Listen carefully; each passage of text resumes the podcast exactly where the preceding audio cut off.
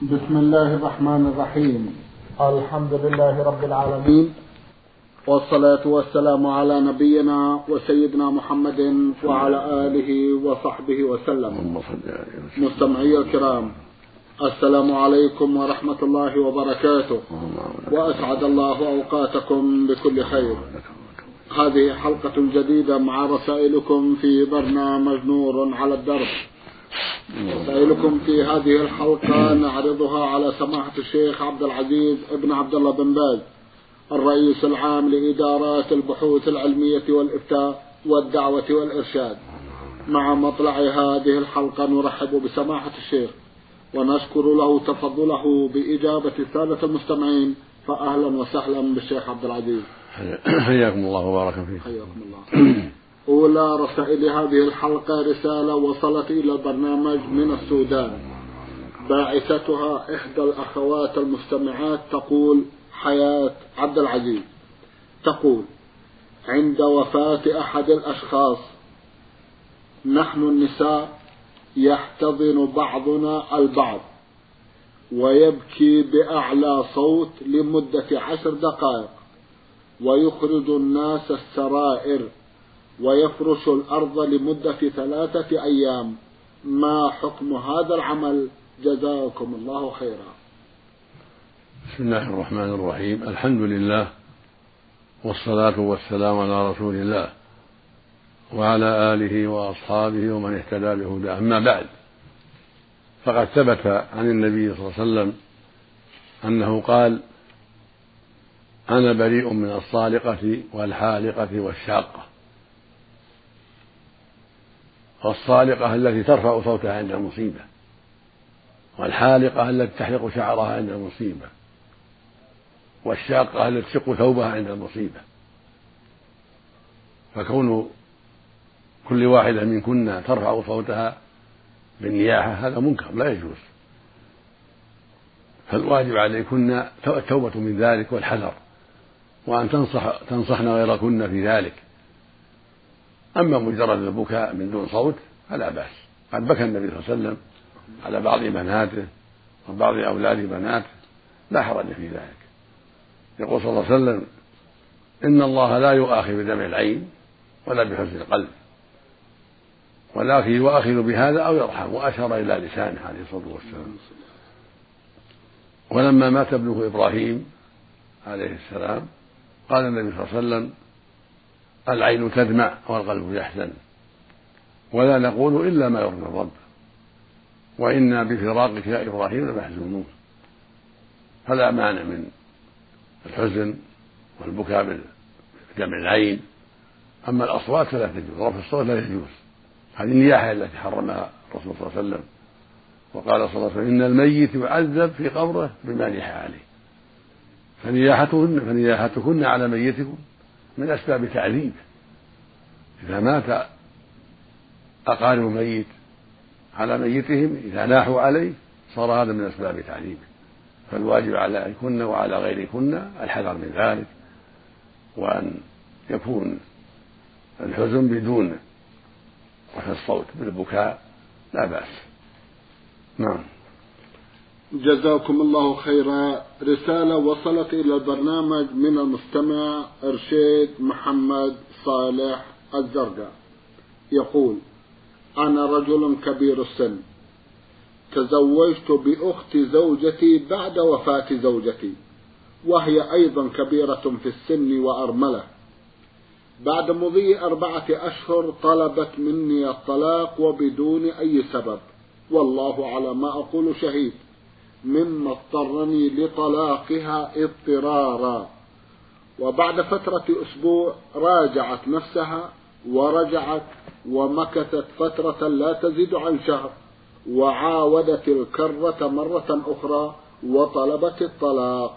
علما أن المذكورة وقع لي ولها حادث سيارة مما أثر على نفسيتها. إنني أيها الشيخ الفضيل قمت بطلاقها غصبا عني. هل يحق لي إرجاعها؟ جزاكم الله خيرا. ننصحكم بمراجعة المفتي لديكم أو القاضي وهو ينظر في الأمر إن شاء الله. تراجع المفتي أو القاضي أنت والمرأة ووليها حتى يسألكم عن الواقع بالتفصيل ثم يفتيكم إن شاء الله. جزاكم الله خيرا. المستمع ميم سين خاء من حائل. بعث برسالة ضمنها سؤالين. في سؤاله الأول يقول التيمم للحاجة هل هو ضربة في الأرض واحدة أو أكثر؟ ذلك أن بعض الأشخاص قال لا بد من ضربات ثلاث. وجهونا إلى الصواب. جزاكم الله خيرا. الصواب أن يكون التيمم ضربة واحدة. هذا هو الأفضل. وإن ضرب ضربتين فلا بأس. لكن الصواب والأفضل ضربة واحدة. لما في الصحيحين من حديث عمار بن ياسر رضي الله تعالى عنه أنه سأل النبي عن ذلك عليه الصلاة والسلام فبين له النبي صلى الله عليه وسلم قال أن تقول هكذا. ثم ضرب النبي بيديه الأرض ضربة واحدة ثم مسح بهما وجهه وكفيه فدل ذلك على أن هذا هو السنة ضربة واحدة. ثم تمسح بالكفين وجهك وكفيك إلى الرص الذرع ما يمسح ولكن الكف فقط. من أطراف الأصابع إلى الرص هذا هو السنة. ولو ضرب ضربتين واحدة في الوجه وواحدة في اليدين فلا حرج في ذلك. لكن أفضل ضربة واحدة. هكذا جاءت السنة الصحيحة عن رسول الله صلى الله عليه وسلم. اللهم صل وسلم جزاكم الله خيرا. يسأل عن كيفية التسبيح بعد كل صلاة. جزاكم الله خيرا. السنة بعد الصلاة الفريضة أن يقول أستغفر الله أستغفر الله أستغفر الله. ثلاث مرات بعد الظهر والعصر والمغرب والعشاء والفجر. اللهم أنت السلام ومنك السلام تباركت يا ذا الجلال والإكرام. أول ما يسلم الإمام والمنفرد والمأموم. كل واحد إذا سلم يقول أستغفر الله أستغفر الله أستغفر الله اللهم أنت السلام ومنك السلام. تباركت يا ذا الجلال والإكرام. قبل كل شيء. هذا أول شيء. ثم الإمام ينصرف إلى الناس. بعد هذا ينصرف الإمام إلى الناس ويعطيهم وجهه. ثم يقول بعد ذلك الإمام والمنفرد والمأموم لا إله إلا الله وحده لا شريك له له ملك وله الحمد. وهو على كل شيء قدير مرة واحدة أو ثلاث مرات. كله جاءت به السنة. ثم يقول بعدها لا حول ولا قوة إلا بالله. لا إله إلا الله ولا نعبد إلا إياه له النعمة وله الفضل وله الثناء الحسن. لا إله إلا الله مخلصين له الدين ولو كره الكافرون. اللهم لا مانع لما أعطيت ولا معطي منعت ولا ينفع ذا الجد منك الجد. يعني ذا الغنى منك غنى. هذه السنة للجميع الإمام والمنفرد والمأموم. بعد قول أستغفر الله ثلاثة اللهم أنت السلام ومنك السلام تباركت يا ذا الجلال والإكرام يأتي بهذا الذكر. أعيده. لا إله إلا الله وحده لا شريك له له ملك وله الحمد وهو على كل شيء قدير. وإن شاء زاد قد يحيي ويميت بيده الخير وهو على كل شيء قدير. أو يحيي ويميت وهو حي لا يموت بيده الخير وهو على كل شيء. كله جاء في الأحاديث. لا إله إلا الله وحده لا شريك له. له ملك وله الحمد وهو على كل شيء قدير. وإن شاء قال لا إله إلا الله وحده لا شريك له. له ملك وله الحمد يحيي ويميت وهو على كل شيء قدير. وإن شاء قال لا إله إلا الله وحده لا شريك له له ملك وله الحمد يحيي ويميت بيده الخير وهو على كل شيء قدير. وإن شاء قال لا إله إلا الله وحده لا شريك له له الملك وله الحمد يحيي ويميت وهو حي لا يموت بيده الخير وهو على كل شيء كل هذا جاءت به النصوص. ويقول بعدها لا حول ولا قوة إلا بالله. ثم يقول لا إله إلا الله ولا نعبد إلا إياه له النعمة وله الفضل وله الثناء الحسن لا إله إلا الله مخلصين له الدين يعني له العبادة الدين معنى العبادة. مخلصين له الدين ولو كره الكافرون. اللهم لا مانع لما أعطيت ولا معطي لما ولا ينفع ذا الجد منك الجد. كل هذا يفعله النبي صلى الله عليه وسلم بعد كل صلاة عليه الصلاة والسلام. فالسنة للإمام والمنفرد والمأموم يقول هذا. تأسم بالنبي عليه الصلاة والسلام بعد الظهر والعصر والمغرب والعشاء والفجر. ويستحب أن يزيد في المغرب والفجر زيادة عشر مرات. لا إله إلا الله وحده لا شريك له له ملك وله الحمد يحيي ويميت وهو على كل شيء قد عشر مرات. مع مع ما ذكر في الفجر والمغرب خاصة. لأن جاء النبي صلى الله عليه وسلم فكان يفعل ذلك. عشر مرات يقول لا إله إلا الله وحده لا شريك له له ملك وله الحمد يحيي ويميت وهو على كل شيء قدير. عشر مرات يقولها بعد المغرب زيادة وبعد الفجر. ويستحب بعد هذا كله أن يقول سبحان الله والحمد لله والله أكبر ثلاث وثلاثين مرة. سبحان الله والحمد لله والله أكبر. جميع. ثلاث وثلاثين مرة. هذه تسعة وتسعون. ثم يقول بعد ذلك تمام المئة لا إله إلا الله وحده لا شريك له. له ملك وله الحمد وهو على كل شيء قدير. ثبت عن النبي صلى الله عليه وسلم أنه كان أنه قال من فعل هذا غفر له خطاياه وإن كانت مثل زبد البحر. هذا فضل عظيم. فيستحب للمؤمن والمؤمنة جميعا أن يأتي بهذا الذكر الذي تقدم كله. الرجل والمرأة جميعا. ويستحب للجميع أيضا أن يقول كل واحد سبحان الله والحمد لله والله أكبر ثلاثا وثلاثين مرة. ويقول مع ذلك في آخرها في آخر ذلك لا إله إلا الله وحده لا شريك له له ملك وله الحمد وهو على كل شيء قدير. في الحديث الصحيح أن العبد إذا قال ذلك غفرت خطاياه وإن كانت مثل سبع البحر وعد عظيم وفضل كبير. والمعنى إذا لم يصر على السيئات. هذه المغفرة. جاءت الأحاديث الأخرى تدل على أنها مقيدة بعدم الإصرار على الكبائر على المعاصي. لقول الله سبحانه في كتابه العظيم إن تجتنبوا كبائر ما تنهون عنه نكفر عنكم سيئاتكم. وندخلكم مدخلا كريما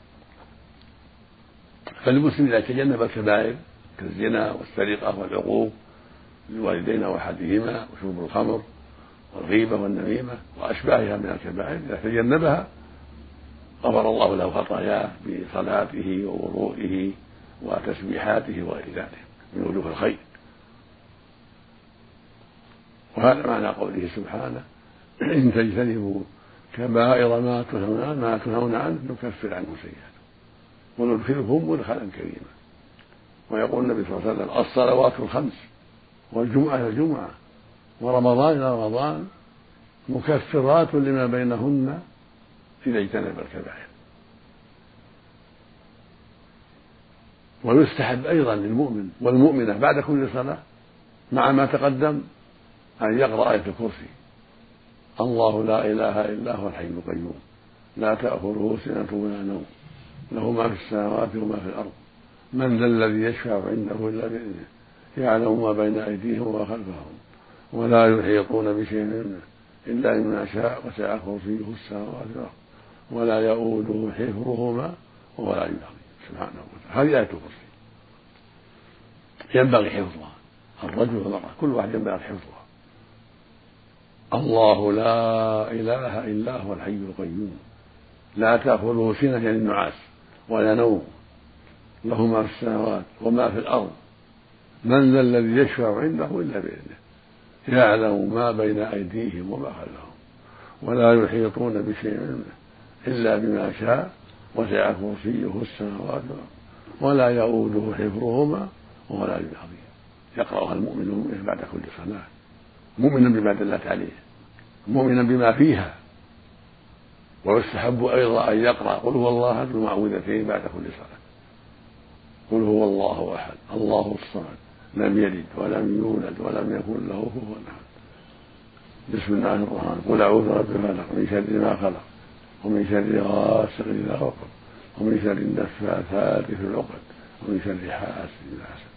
بسم الله الرحمن قل أعوذ برب الناس ملك الناس إله الناس من شر الوسواس الخناس الذي يوسوس في صدور الناس من الجنة والناس بعد كل صلاة. كل هذا مستحب. لكن يكررها بعد المغرب والفجر ثلاث مرات. بعد المغرب خاصة والفجر ثلاث مرات.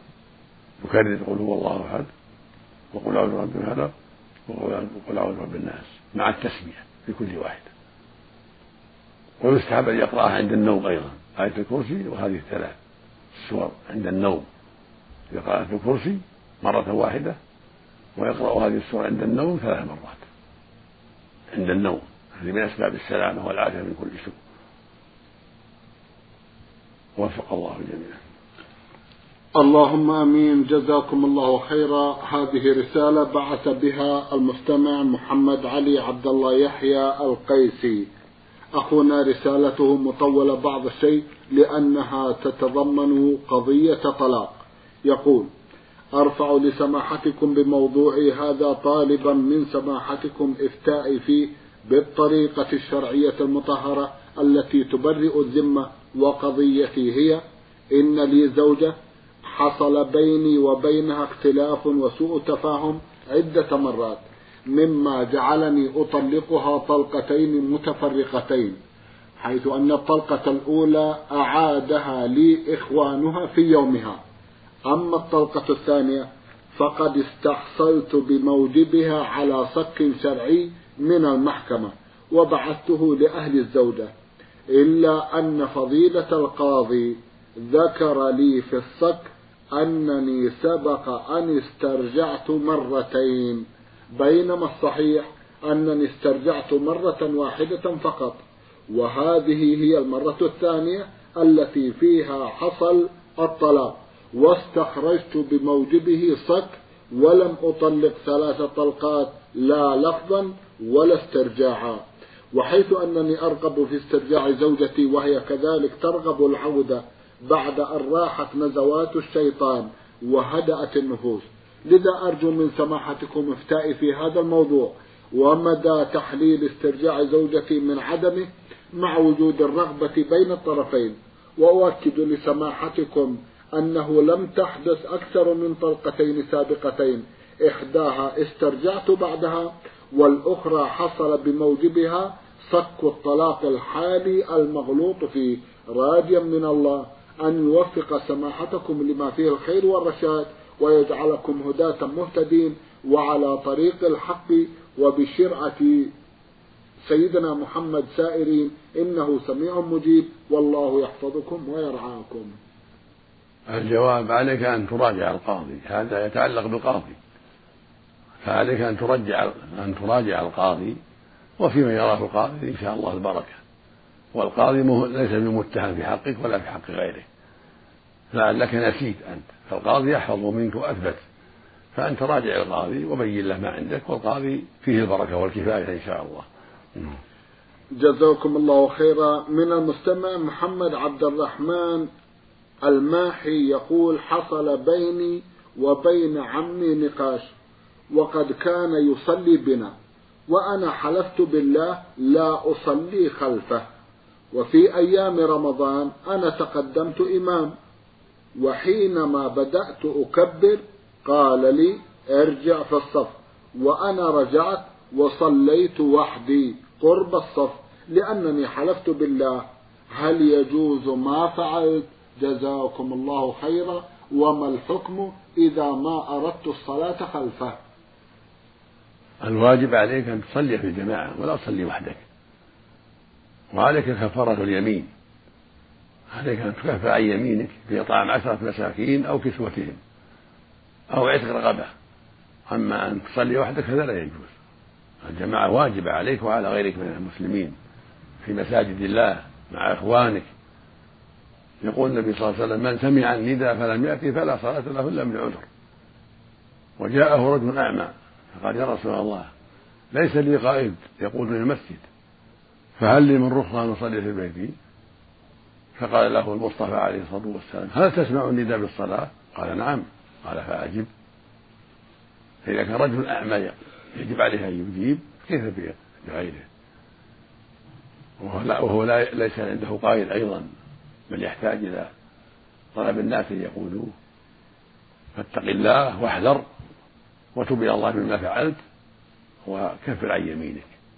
وصل مع الناس واقتدي بالإمام واستغفر ربك مما فعلت سابقا وتب إليه وعليك كفارة اليمين وهي إطعام عشرة مساكين أو كسوتهم. كل واحد له نصف الصاع تمر أو رز من قوت بلدك.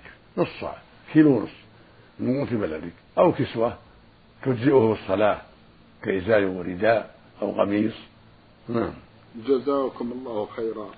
يقول في سؤال آخر لي عمة.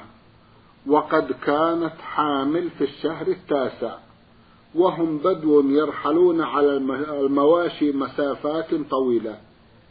في ذات مرة اشتد عليها العطش فأفطرت وهي صائمة في رمضان ولا تدري عن حكم القضاء. وقد مضى على هذه الحادثة ما يقرب من خمس وعشرين سنة. فما الحكم الآن؟ جزاكم الله خيرا.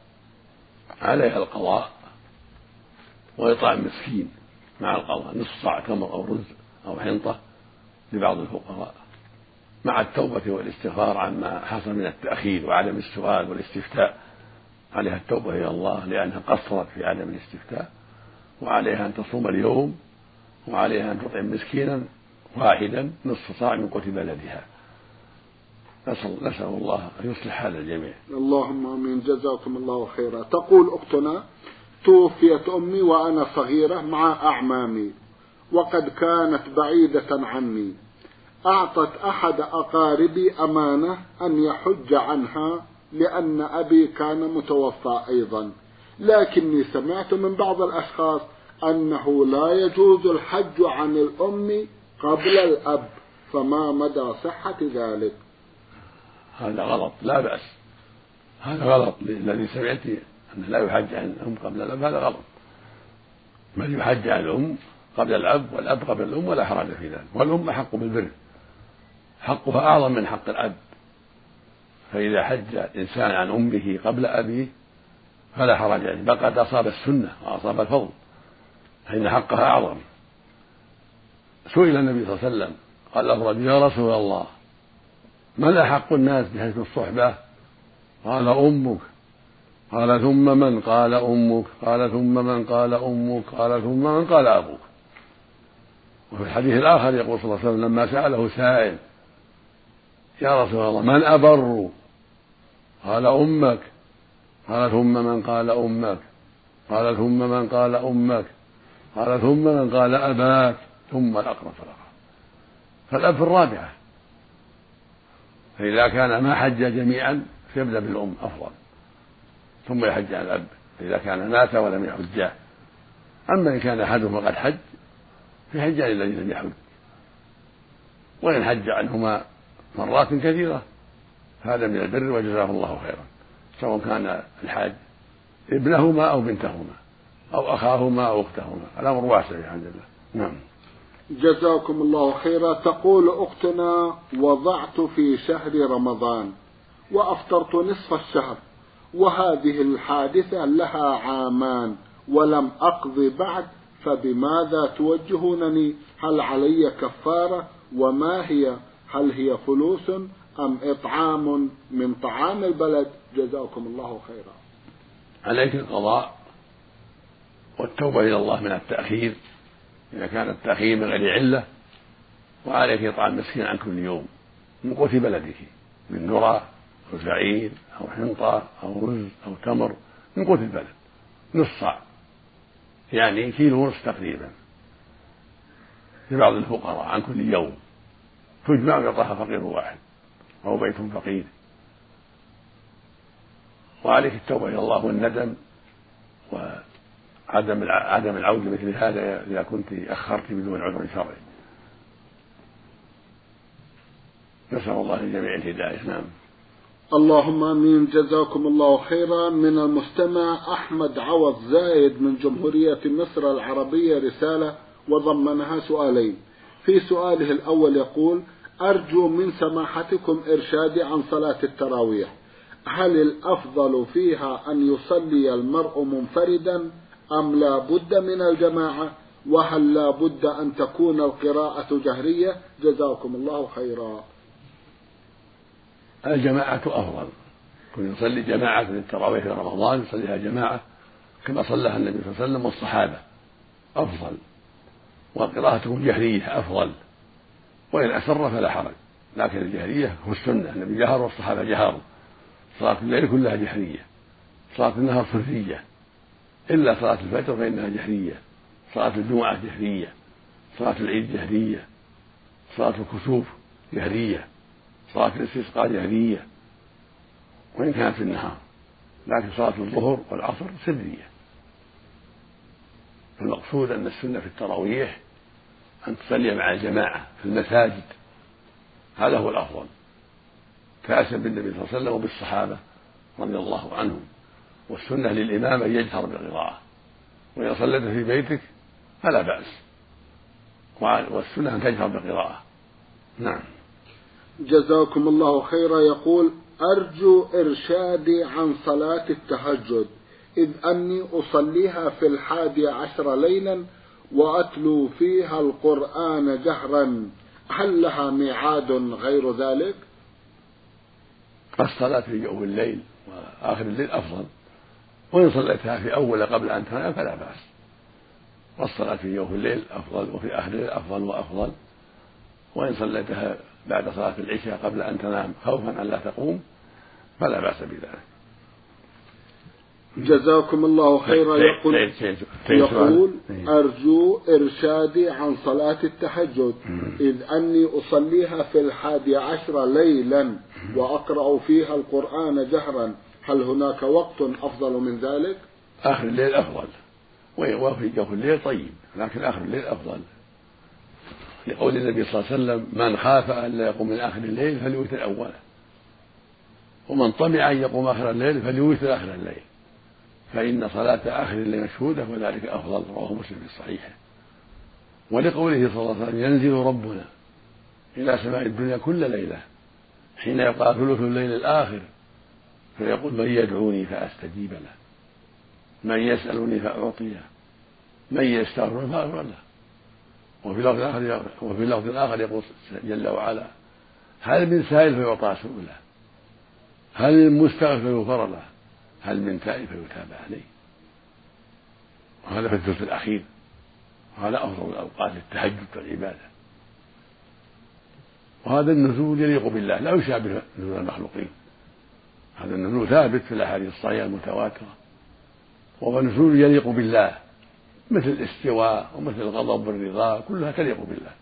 لا يشابه خلقه في استوائه على عرشه ولا يشابه خلقه في غضبه ورضاه ولا يشابه خلقه في كلامه ومحبته ونحو ذلك وهكذا النزول. نزول يليق بالله لا يعلم كيفيته إلا هو سبحانه وتعالى لكنه لا يشابه خلقه في شيء من صفاته. لقوله سبحانه ليس كمثله شيء وهو السميع البصير. ولقوله سبحانه فلا تضربوا لله الأمثال. قوله عز وجل قل هو الله أحد الله الصمد لم يلد ولم يولد ولم يكن له كفوا سبحانه وتعالى. وهذه قاعدة عند أهل السنة والجماعة قاعدة. أن جميع أسماء الرب وصفاته كلها تليق به. وأسماؤه كلها نعوت كلها في الصفات الرحمن الرحيم العليم الحكيم السميع البصير. هي أسماء وهي نعوت وصفات. كلها تليق بالله.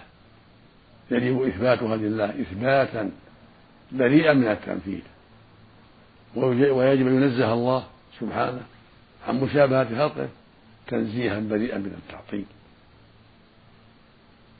فأهل الحق من أهل السنة والجماعة يثبتون صفات الله وأسماءه ويمرونها كما جاءت مع الإيمان بها واعتقاد أنها حق على الوجه اللائق به سبحانه لا يشابه خلقه في شيء من صفاته جل وعلا.